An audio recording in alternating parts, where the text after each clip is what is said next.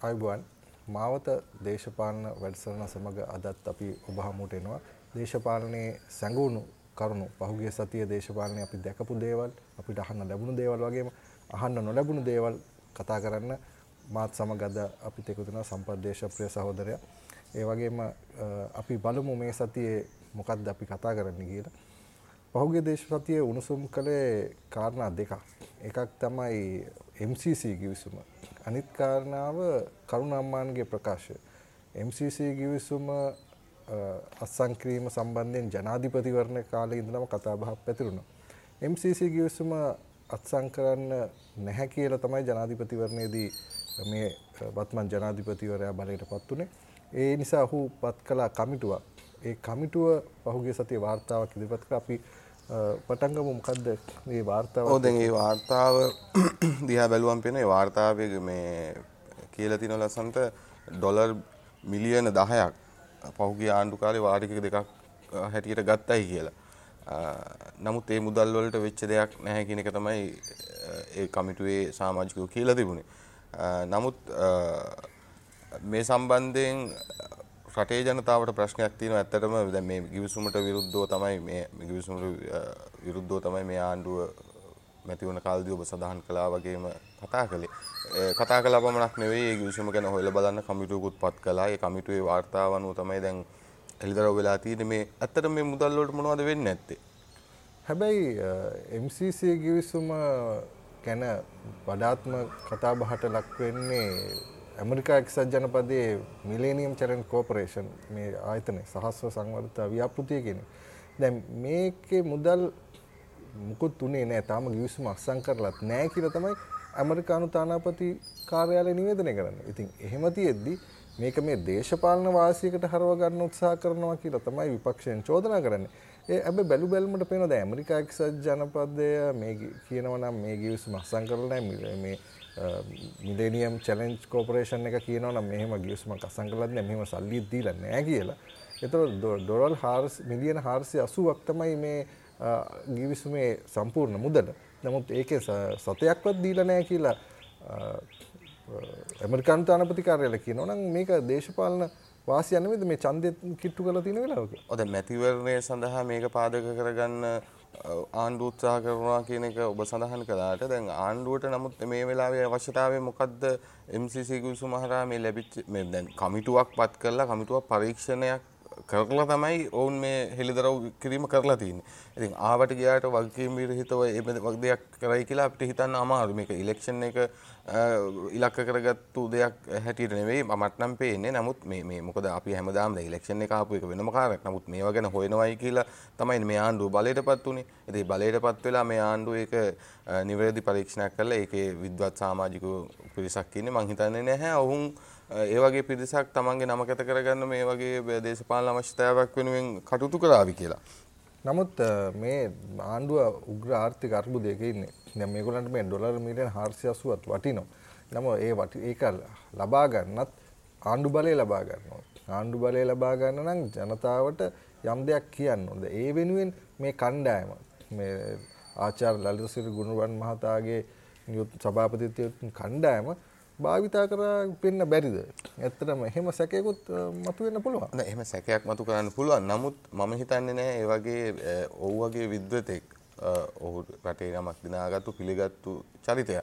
ඉතින් මේ ආණ්ඩුවේ දේශපාලන අවශ්‍යතාවය වෙනුවෙන් ඔහු පෙනී හිඳලා තමන්ගේ තියෙන විද්වත්භාවය හැල්ලුවට ලක් කරගනී කියන එක අපිට විශ්වාස කරන්න අමාරුයි. නමුත් මේ මොහොතේ අපේ අදහස අපි දිගින් දිගට මේ මාවත වැඩසටහනේ මේ MCC ගිවිසුම සම්බන්ධයෙන් අපි දීර්ඝ කාලයක් තිස්සේ කතා බහ කරලා තිනවා. රටකට දැන් බොරු විරෝධතාවයන් විරුද්ධ විරෝධ මත ඉලෙක්ෂන් එකකදී කිව්වට නමුත් ප්‍රායෝගිකව සමහර කාරණා සිද්ධ වෙනවා අත්සන්කරී කිවිසුම් ගත වෙන්න සිද්ධ වෙනවා ඒ ලංකාවට මේ වෙලාවේ මුදල් අවශ්‍යතාවයක් තියෙනවා. ඉතින් මං හිතන්නේ මං හිතන්නේ පටු තැන ඉඳලා බලන්නේ නැතුව මේ දිහා පුළුල් විදිහට විමර්ශනශීලීව බලලා රටේ අනාගතය සහ රටේ ආර්ථිකය ගැන හිතලා සමහර තීන්දුව తీරන ආණ්ඩුවට ගන්න සිද්ධ වෙනවා. ඉතින් මං හිතන්නේ මේ අපි දැන් මේ මුදල ගත්තාද නැද්ද කියන කාර්යය නෙමෙයි මේ වගේ ලෝකයක් සමග සහ සම්බන්ධයෙන් කටයුතු කරන්න ආණ්ඩුවකට කටයුතු කරන්න සිද්ධ වෙන ඉදිරියේදී.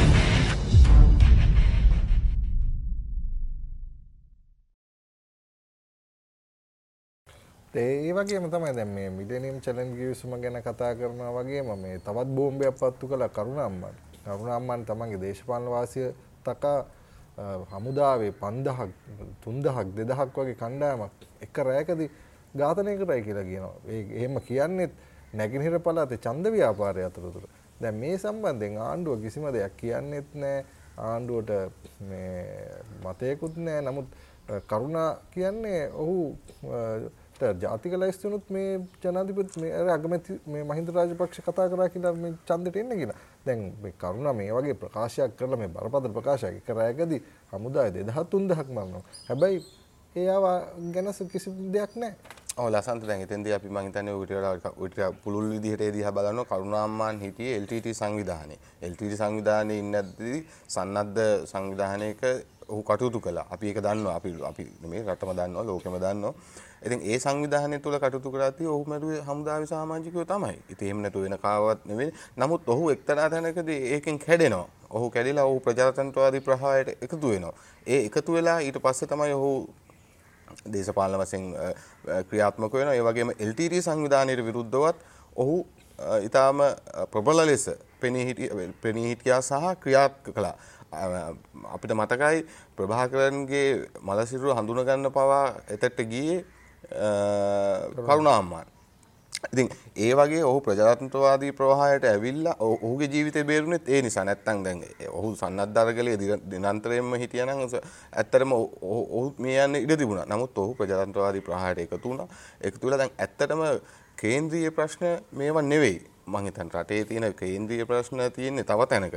අපි මේ කරුණාම්මාන් ගැන කතා කරනවා. දැන් අගමැතිවරයා පහුගිය දවසක ප්‍රකාශයක් කරලා තිබුණා රැස්වීමක් අමතමින් ඔහු සඳහන් කරලා තිබ්බ ඇත්තටම මේ වගේ සිල්ලල කාරණා ඒ කියන්නේ කරුණාම්මන් හමුදාවේ කට්ටිය මැරුවද 2011 මේ ක්‍රිකට් පාවාදීමක් සිද්ධ වුණාද ලෝක කුසලන පාවාදීමක් සිද්ධ වුණාද මේ වගේ කාරණාවට ලඝු කරන්නේ නැතුව ඇත්තටම දැන් අපිට රට හමුවේ තියෙන අභියෝග ඊට වඩා ප්‍රබලයි ඒ නිසා අපි මේ සිල්ලල කාරණාත් එක්ක යා යුතු නැහැ කියන එක තමයි අගමැතිවරයා පැහැදිලිව කියලා තිබුණා. හැබැයි අගමැති එහෙම කිව්වට ඒගොල්ලෝ ඒ සිල්ලල කාරණා තමයි භාවිතා කළේ මතිවරණ දිනා ගන්න.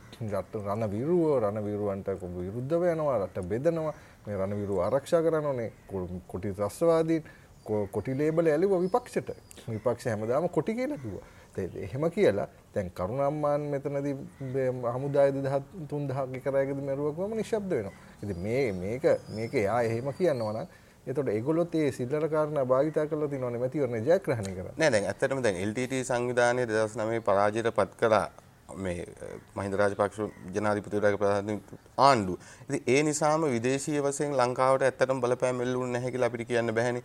දැන් ජිනීවා මානවිකම් කොමිසමේ ප්‍රශ්න මේ මේ සමානුග්‍රහකත්වයේ දක්වපු එක පහුගිය ආණ්ඩුව කාලේ විදේශ ඇමතිවරයා මේ වගේ කාරණා සිල්ලල කාරණා නෙමෙයි රටක් හැටියට රටක තියෙන කේන්ද්‍රීය ජාතික අනන්‍යතාවය මේ සියල්ල ඇත්තටම පහුගිය මේ යහපාලන ආණ්ඩු කාල තුන විනාශ වෙමින් තිබුණා. ඉතින් අපි ඒක ස්පනා අපිට දැක්කා. ඉතින් එහෙම ඒ தত্ত্বය ගැන විග්‍රහ කරද්දී මම හිතන්නේ නැහැ යහපාලන ආණ්ඩුවට ඒකේ ලකුණු දෙන්න පුළුවන් කමක් තියෙනවා කියලා. යහපාලන ආණ්ඩුව කාලේ දිගින් දිගටම සිද්ධ වෙච්ච දේවල් අවසාන ප්‍රතිඵලය වුණේ රටක් හැටියට අපි ලෝක ඉස්සරහා අපකීර්තියට ලක් වෙච්ච එක. ඉතින් මේ මං හිතන්නේ අගමැතිවරයා මතු කරන්නේ ඒ කාරණේ තමයි. ඒ වගේම ඒ විතරක් නෙමෙයි රහස් පොලිසිය විසින් කරුණාම්මාන්ගේ ප්‍රකාශය ගැන පරීක්ෂණයක් කරනවා. නමුත් මං හිතන්නේ දැන් ඒ ඒ ඒ දේවල් නෙමෙයි කරුණු. ඇත්තටම තියෙන්නේ රට හැටියට මේ මොහොතේ අපි මුණ දීලා තියෙන අභියෝග වලින් කොහොමද ජයගන්නේ කියන කාරණය.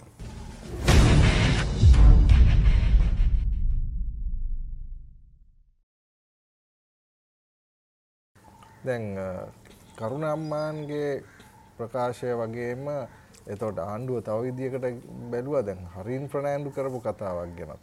හරින් ප්‍රනාන්දු එයා දේශපාලනය වේදිකාවති දේශපාලනය වේදිකාවදි කතා කරපු දෙයක් ආණ්ඩුව ලොකුවට අරගෙන ගියා. මේ කාදිනලතුමාට පහස කරාය මේ කාදිනලතුමාව විනා මේ දේශපාලනය කරනවා කියලා ප්‍රකාශ කළා මේ වගේ ලොකු නාඩගමක් අරගෙන යන ආණ්ඩුව. එතකොට ඒකත් ඔව් දැන් ලස්සන දෙයක් ඒක ඇත්තටම දැන් ප්‍රායෝගිකව තියෙන කාරණේ තමයි ඇත්තටම දැන් ඇමති පුතෙක් නිදහසුණයි කියන වෙලාවක ආදිනතුමා කියන්න ප්‍රධාන හේතුුනේ හරින් ප්‍රනන්ද මහත්මයාගේම ප්‍රකාශය. ඔහු එදා වල්ලියට නොගිය ඇයි කියලා අහනකොට මාධ්‍යෙන් ඔහු කියනවා තමන්ගේ තාත්තා කිව්වා යන්න එපයි කියලා. ඔහු එතකොට දැන් ඌ අගමැතිවරයව දැනුවත් කරලා නැහැ. හරි ඒ අදාළ රටේ හිටපු ඇමතිවරයෙක් ඔහුට වගකීමක් තියෙනවා අදාළ ආරක්ෂකංශ එහෙම නම් දැනුවත් කරන්න හෝ තමන්ගේ අඩුම තමන්ගේ දේශපාලන නායකයව දැනුවත් කරන්න නමුත් ඔහු ඒ කිසිවක් නොකර ඔහු බේරලා ඊට පස්සේ ඔහු කාදිනතුමාට දේශපාලනය කරනවා කියලා චෝදනා කරනවා. ඉතින් මම හිතන්නේ ඒක මහා සාහසික ප්‍රකාශයක්. ඒ කාදිනතුමා කියන්නේ මේ වැදගත් ගෞරවනීය චරිතයක් රටේ. රටේ විතරක් නෙමෙයි ලෝකෙන් පිළිගත්තු චරිතයක්. ඔහුට දේශපාලනය කරන්න අවශ්‍යතාවයක් නැහැ. මොකද ඔහුට ඒ අවශ්‍ය කරන තමන්ගේ ප්‍රතිරූපය ඔහු ආරක්ෂා කරලා සහ ඒක වැඩි දියුණු කරගෙන තියෙනවා ලෝකේ ලෝකේ ඉස්සරහා. කොහොම වුණත් හරින් ෆර්නෑන්ඩු මේ වෙලාවේ සම්බන්ධය සජිත් ප්‍රේමදාසත් සමාවිල්ල ගත්ත විපක්ෂ හිටපු විපක්ෂනාත්ම එතුමා සමාවිල්ලුව හරින් ප්‍රාන්දු මන්තු මකරු ප්‍රකාශය සම්බන්ධය නමුත් හරින් ප්‍රාන්දු සමාව ගත්තේ නෑ නෑ හරින් ප්‍රාන්දු ඊට පස්සේ සජිත් ප්‍රේමදාස හරින් ප්‍රාන්දුවත් එක්කගෙන යනවා කාදිනතුමා හම්බෙන්න කාදිනතුමා හම්බෙලා එතුමා මේ ප්‍රකාශ කරනවා මේ සමාව ගන්න සමාව අරගෙන තමන් කරපු දේ වැරදි නිවැරදි කරගන්න. නමුත් ඒක ආණ්ඩුව කරුණගෙන් අපි දැක්කේ නෑ. කරුණගේ කවදාවත් කිව්වේ නෑ මං ඒ කරු ප්‍රකාශ ගැන මේ සමාවිල්ලනවා කියලාවත් මම ඒකෙන් පසුතැවෙනවා කියලාවත් මේ එහෙම එහෙම ප්‍රකාශයක් ඔහු කළේ නෑ. ඒකයි මම කියන්න උත්සාහ කළේ මෙතන මේ වෙනසක් තියෙනවා කියන එක මේ ඒ අපේක්ෂකයෝ මේ අපේක්ෂකයෝ අතර වෙනසක් තියෙනවා.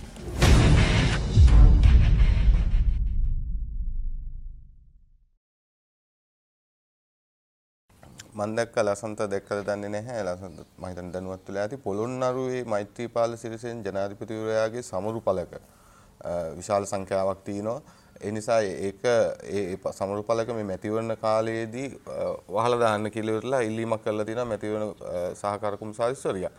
ඉතින් දැන් ඇත්තටම මේ මේ මේ தත්ත්වය ඔබ කොහොමද හිතන්නේ? දැන් මේ සම්බන්ධයෙන් දේශපාලන පක්ෂ සියල්ලම එක මතයකට ඇවිල්ලා ඉන්නවා.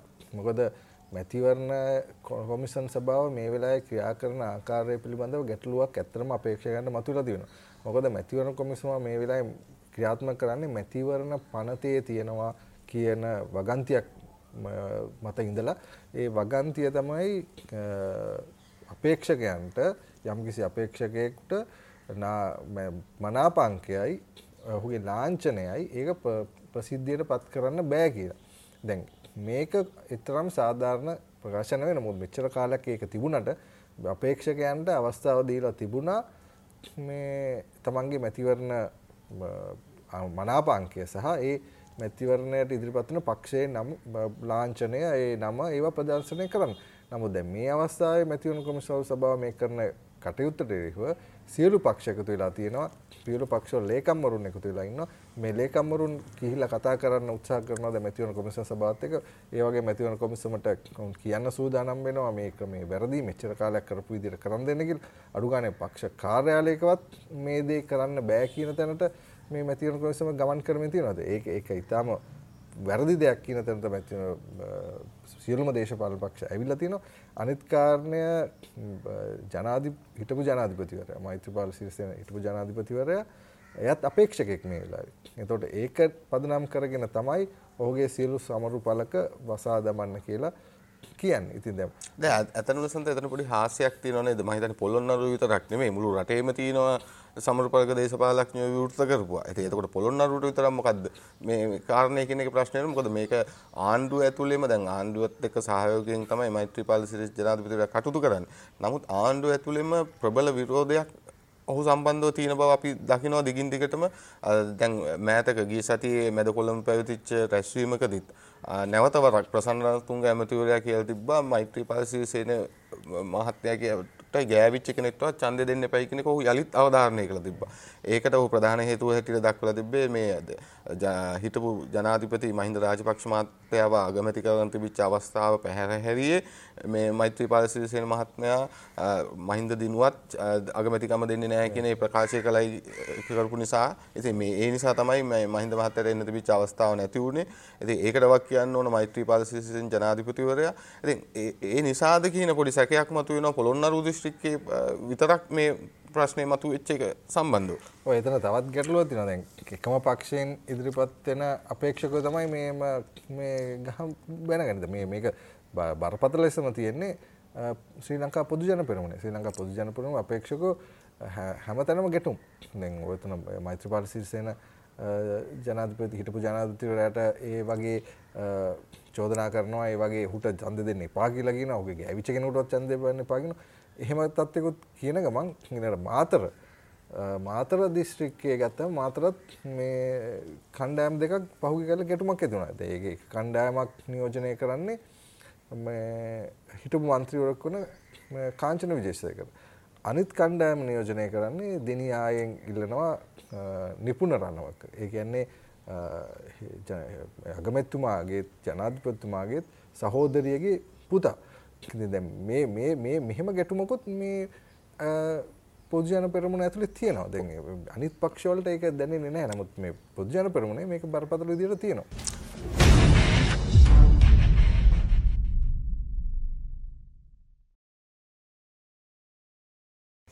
දැන් ඒවගේ දැන් ඔබ සඳහන් කලා මැතිවන මෙසිමේ ක්‍රියාකාලාපය සම්බන්ධය ඒවගේ දැන් ආණ්ඩු හිටු පැමතිවරෙක් වන විමල් විරවන් සැමති මහත්මයත් අපේක්ෂකතුමත් පහුගි දවසල් සඳහන් කළ තිබ්බ මැතිවුණු කොමිසම කටයුතු කරන්නේ විපක්ෂය ඕනකම අවශ්‍යතාවය සම්පූර්ණ කරන්න තමයි විපක්ෂයේ දේවල් උමනාව නිෂ්ට කරන එක තමයි මැතිවුණු කොමිසම කරන්න කියලා. එහි යම් සත්‍යතාවයක් ඔබ දකින්නවද? නෑ මැතිවුණු කොමිසම විපක්ෂයේ අවස්ථාව ඉටු කරනවා නම් විපක්ෂයේ අපේක්ෂාන්ගේ චන්ද ලකුණයි මනාපාංකේ අයින් කරන්න කියන්නේ එහෙමනම් විපක්ෂයාගේ අයින් කරලා ආණ්ඩුවයගේ තියන්න කියනවා. එන විපක්ෂයට විතරක් ඒක කරනවා. දැන් විපක්ෂ විපක්ෂ තියලා ආණ්ඩුවයගේ විතරක් ගලවන්න කියනවා. දැන් එහෙම නෙමෙයි මේගොල්ලෝ දෙපැත්තෙම ගලවන්න කියනවා. දැන් මෙතන දැන් මේ දෙපැත්තෙන් මේ එල්ල වෙන පීඩනයත් එක්ක තමයි මං හිතන්නේ මැතිවරණ කොමිසම මේ විදියට මේ මැතිවරණ නීතිය හරියටම ක්‍රියාත්මක කරන්න යන්නේ. මොකද ඔවුන්ට ආණ්ඩුවෙන් එල්ල වෙනවා විපක්ෂය උමනා ඉටු කරනවා කියලා. ඒ නිසා වුන් උත්සාහ කරනවා විපක්ෂයේ ආණ්ඩු පක්ෂයේ දෙගොල්ලන්ගෙම ටම හරිර නීතිය ක්‍රියාත්ම කරන්න. එහෙම නැතුව මං හිතන්නේ නැහැ එක පක්ෂයද මේකට උඟක් වෙලාට හේතුනේ මේ මහාචාර්ය හූල්ගේ යම් ක්‍රියාකලාපයන්. නමුත් මහාචාර්ය හූල් ඒ වෙලාවේ ආණ්ඩුවට ඕන විදිහට කටයුතු කරන්නේ නැහැ. එයා තමන්ගේ මතවාදය වෙනුවෙන් පෙනී සිටියා. දැන් මේ කාරණයත් එක්ක තමයි මේකටම ආවේ. මොකද නඩුවක් ගිහිලා තිබුණා විපක්ෂයෙන් මේ මැතිවරණ දිනේ කල් දාන්න කියලා. ඒකදී හූල් මහාචාර්ය හූල් වෙනම ඒ සම්බන්ධයෙන් නඩුවට ඉදිරිපත් වෙනවා. පැන් පාර්ශ්වකාරකයටද. ඕක මේ ওই කාරණය තමයි ආණ්ඩුවෙන් මේකට විරුද්ධව මේ මැතිවරණ කොමිසමට චෝදනා එල්ල කරන ප්‍රධානම හේතුව මම මොකද ආණ්ඩුවට ඕන වෙලාවෙ ඡන්දය තියාගන්න හම්බුන්නේ නැහැ. ඡන්දය අගෝස්තු දක්වා කල් ගියා. ඒත් මේ මේ සියලු කාරණා එක තමයි ඒ චෝදනාව ආවේ. නමුත් මැතිවරණ කොමිසමේ ක්‍රියාකලාපය සම්බන්ධයෙන් කොහොම වුණත් දිගින් දිගටම චෝදනා ආණ්ඩුවෙන් එල්ල වුණේ මේ හූල්ගේ ක්‍රියාකලාපය නිසා බව තමයි මට නම් හැඟෙන්නේ. නමුත් ඒක නිසා මේ මැතිවරණ කොමිසම නීති අකුරටම ක්‍රියාත්මක කරන ආකාරයක් තමයි මට නම් පේන තියෙන්නේ. කොහොමනත් දැන් මේ වනකොට මැතිවරණ ප්‍රචාරක කටයුතු ක්‍රියාත්මක වෙමින් යනවා. කොහොමද ඒ සම්බන්ධයෙන් ආණ්ඩුව පැත්තේ? දැන් ආණ්ඩුව පැත්තෙනුත් ලසන්ත මේ දවස්වල මම හිතන්නේ මේ රැස්වීම අර මැතිවරණ නීතිය සහ කොවිඩ් සංගතයට තියෙන ආරක්ෂක පිළිවෙත් අනුගමනය කරමින් ඔවුන් පටන් අරන් තිනවා. දැන් අර මම කලින් සඳහන් කළා වගේ මැද කොළඹ තිබුණා. දැන් ඒ හැම රැස්වීමක්ම මම හිතන්නේ බැසිල් රාජපක්ෂ මහත්මයාගේ මෙහෙයුමෙන් තමයි මේ රැස්වීම කටයුතු සංවිධානය කරන්නේ. ඔහු දක්ෂ සංවිධායකයෙක්. ඒ වගේම දැන් ජූනි 3 වෙනිදා ජනාධිපති ගෝඨාභය රාජපක්ෂ මහත්මයා සහ අගමැති මහින්ද රාජපක්ෂ මහත්මයාගේ ප්‍රධානත්වයෙන් අනුරාධපුරයෙන් ඒ රැස්වීම මාලාවක් ආරම්භ කරනවා. ඉතින් මම හිතන්නේ දැන් ඉදිරියේදී අපිට බලා ගන්න පුළුවන් වෙයි රටේ ජනතාවගේ ආකල්පය මොකක්ද කියන කාරණේ. ඒ වගේම දැන් මේ විශේෂයෙන් එක්සත් ජාතික පක්ෂය ඇති වෙලා තියෙන මේ ප්‍රබල බෙදීමත් එක්කලා ඇත්තටම දැන් ආණ්ඩුවට තරගයක් නැති මට්ටමකට පත් වෙලා තියෙනවා කියන බව තමයි අපිට පේන්නේ. දැන් මොකද විපක්ෂයේ තමන්ගේ තියෙන ගැටලු විස්තර ගන්න තවමත් නොහැකි වෙලා තියෙනවා. සමහරුන්ගේ මේ පක්ෂ සමාජිකත්වයේ තහනම් කරනවා. ඉතින් මේ දෙගොල්ලෝ දෙපැත්තට මාරු වෙනවා. රනිල් වික්‍රමසිංහ මහත්මයාගේ කණ්ඩායමේ පිරිසක් මෙහෙට එනවා කියනවා. එතකොට සජිත් ප්‍රේමදාසගේ මහත්මයාගේ පිරිසක් එක්සත් ජාතික පක්ෂයේ රනිල් වික්‍රමසිංහ මහත්තයා කණ්ඩායමට සම්බන්ධ වෙනවා කියන ඉතින් විපක්ෂයේ තියෙන මේ ප්‍රබල බෙදීම හමුවේ ආණ්ඩුවට නිතරංගෙන් මේක ජයග්‍රහණය පුළුවන් වටපිටාවක් තමයි දැන්ට නිර්මාණය වෙමින් තියෙන්නේ.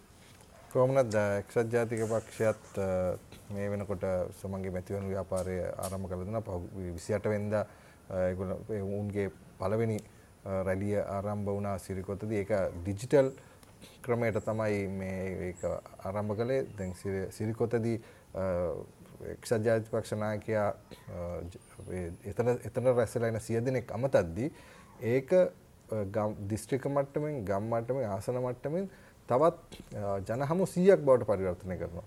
ඒ ජනහමු 100ක් පැවැත්වෙනවා එකම වෙලාවේ එකම වෙලාවේ ආයතනවල ඒ කතාව විකාශයට පත් වෙනවා ඩිජිටල් මාධ්‍ය ඔස්සේ. ඉතින් එහෙම විශේෂ මාධ්‍ය ක්‍රමවේදයක් අනුගමනය කරමින් තමයි එක්සත් ජාතික පක්ෂය මැතිවරණ ව්‍යාපාරයට අවතීර්ණ වෙලා තියෙන්නේ. ඒ වගේම සජිත් ප්‍රේමදාස මහතාත් සුචරිතයෙන් සජිත් ප්‍රේමදාස මහතා මේවර තරඟ කරන කොළඹ දිස්ත්‍රික්කයෙන් ඒ නිසා ඔහු සුචරිතයෙන් තමන්ගේ තාත්තා ආරම්භ කරපු තැන ඉඳලා තමන්ගේ මැතිවරණ ව්‍යාපාරය පටන් ගත්තා. ඉතින් දැන් මේ ආකාරයට තමයි එක්සත් ජාති පක්ෂයේ මැතිවරණ ව්‍යාපාරය ක්‍රියාත්මක වෙන්නේ. ඒ ආකාරයට තමයි සමගි ජන බලවේගයේ මැතිවරණ ක්‍රියාත්මක වෙන්නේ. දැන් මේ ආකාරයෙන්ම ජනතා විමුක්ති පෙරමුණ කියන මාලිමාව ලකුණෙන් තරගන ජාතික ජන බලවේගයේ මැතිවරණ ව්‍යාපාරයත් මේ වලට ආරම්භ වෙලා තියෙනවා. උන් ගම් මට්ටමින් බිම් මට්ටමින් උන්ගේ ඡන්ද ව්‍යාපාරය කරගෙන යනවා. ඉතින් මැතිවරණ මිනිසුම ක්‍රමෙන් ක්‍රමෙන් වැඩි වුණාට ජනතාව අතර නම් ඒ උණුසුම ඇති වෙලා තියෙන බවක් පේන්නේ නැහැ. ඉතින් ඒ උණුසුම ඉදිරියේදී ඇති වෙයි කියලා අපි බලාපොරොත්තු වෙනවා.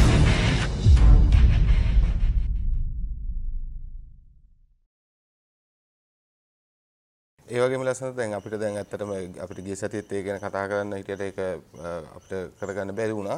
ඇත්තටම දැන් මේ ජනතා විමුක්ති පෙරමුණ සමග ජාතික ජාතික ජන ජන බලවේගයට අපි දකින්නේ නැහැ මාධ්‍ය ලොකු ඉඩකඩක් ලැබෙන පාටක් පේන්නේ නැහැ. ඔබ හිතන්නේ මොකද මේ මේ මේ මෙහෙම වෙලා තින්නේ ඇයි? ඇත්තටම ඇත්තටම මේක ලොකු අසාධාරණයක්. මොකද මාධ්‍ය ඇතුලේ තරඟයක් තියෙන මාධ්‍ය ඇතුළත් ගුවන් කාලය පිළිබඳ තරඟයක් තියෙන්නේ. ඉතින් ඒ නිසා වුන් දැන් එක්සත් ජාතිපක්ෂ දෙකට බෙදීම. මේ ජාතික ජන බලවේගයට බරපතල ලෙස හානියක් වෙලා තියෙනවා. මොකද ගුවන් කාලය වෙන් කිරීමේදී මාධ්‍යයට සිදු වෙලා තියෙනවා. පුවත්පත් නම් මං හිතන්නේ එක් කරන්නේ නැහැ නමුත් විද්‍යුත් මාධ්‍යයෙන් ඒ සිද්ධ වෙනවා. මොකද මාධ්‍යයට ගුවන් කාලය වෙන් කර ගැනීමේදී ඔවුන් සහභාගී කරගත්තේ හැම වෙලාවෙම විවාදයකදී වුණත් ගුවන් කාලය ලබා දීමේ ප්‍රධාන පක්ෂ හතර. එතකොට ප්‍රධාන පක්ෂ හතර අයද්දී දැන් මේ වෙනකොට එක්සත් ජාති පක්ෂ දෙකට බෙදිලා තියෙනවා. එතකොට ශ්‍රී ලංකා පොදු ජන පෙරමුණ ආණ්ඩුව පැත්තෙන් ගත්තම ඊළඟට එක්සත් ජාතික පක්ෂය ගත්තම ඊළඟට සමගි ජන බලවේගය තමයි ගන්න. එතකොට ඊළඟට ගන්නේ ආණ්ඩුව ඇතුලේ නියෝජනය කරන තවත් සුළු පක්ෂ. දැන් මෙහෙම තමයි හැමදාම මේ කාලේ වෙන්කුනේ. නමුත් දැන් ඒ ඒ කාලේ වෙන් වෙදී සුළු පක්ෂ ඇතුලේ ජනතා විමුක්ති පෙරමුණක් තිබුණා. ජනතා විමුක්තිවලට අවස්ථාව තිබුණා. නමුත් දැන් මේ වෙලාවේ එක්සත් ජාතික පක්ෂය දෙකට බෙදීම නිසා සමගි ජන බලවේගයත් එක්සත් ජාතික පක්ෂත් වෙන වෙනම මාධ්‍යයට කැඳවනවා. හැබැයි ජනතා විමුක්ති පෙරමුණ ඒ ජාතික ජන බලවේගය ඒ මාධ්‍ය ඇතුළට කැඳ වෙන්නේ නැහැ. ඒගොල්ලෝ එළියට ගිහලා. මොකද කණ්ඩායම් හතරකට තමයි නියෝජනයක් හැමදාම මා විද්‍යුත් මාධ්‍යවල ලැබුණේ. ඒගොල්ලන්ගේ විවාදවලදී වෙනත් දේශපාලන වැඩසටහන් වලදී මේ හැම එකෙදිම එහෙම ලැබෙනවා. ඒ නිසා තමයි මම හිතන්නේ ඒ ප්‍රවෘත්ති වලදීත් උන්ගේ ප්‍රවෘත්ති විකාශනයන්ගෙත් ඒ අවස්ථාව ලැබුණේ. ඒ නිසා තමයි මම හිතන්නේ ජනතා විමුක්තියට ඒ අවස්ථාව ලැබන්න ලැබෙන්නේ නැතුව යන්නේ. නමුත් ඒක හරි ඒක අසාධාරණයි මම හිතන්නේ. ඔවුන් ගුවන් කාලේ යම් සීමාවකට ලක් කළා හරි කමක් නැහැ. මේ ඒගොල්ලන්ට අවස්ථාවක් දෙනවා නම් හොඳයි. නම් මොකද ඒකත් දේශ එයත් දේශපාලන පක්ෂයක් මේ ජනතාව අතර ඉන්න දේශපාලන පක්ෂයක්. උන්ටත් යම් ජන කණ්ඩායමක් ඉන්නවා. ඒ කණ්ඩායමත් මාධ්‍ය නරඹනවා. ඉතින් මේ අයටත් අවස්ථාව දෙන්න ඕන කියන එක තමයි මම නම් හිතන්නේ. මේ මේ தත්ත්වය තමයි දැන් රටේ තියෙන්නේ. ඒත් එක්කම දේශපාලනය ඉදිරියටත් මැතිවරණ ව්‍යාපාරය තාම යන මැතිවරණ උණුසුම් තත්ත්වයක් තාම උදා වෙලා නැහැ. නමුත් ජනතාව ඉදිරියේදී මැතිවරණය ගැන තීන්දුවක් ගනීවි. කවුද අපේක්ෂකයක් තමන් පාර්ලිමේන්තුවේ යන අපේක්ෂක කියලා තෝරගනීවි. දැන් මේ මේ වගේ තමයි පහුගිය සතියේ දේශපාලනය සිද්ධ වුණේ. ඉදිරියේදීත් අපිට ඒ ගැන කතා කරන්න පුළුවන්. ලබන සතියේ නැවතත් මාවත වැඩසටහනක් සමග අපි එකතු වෙන්න ඉඩ තබමින් එතක් අපි අදට මේ වැඩසටහන මෙතනින් සමාප්ත කරනවා. බොහොම ස්තුතියි.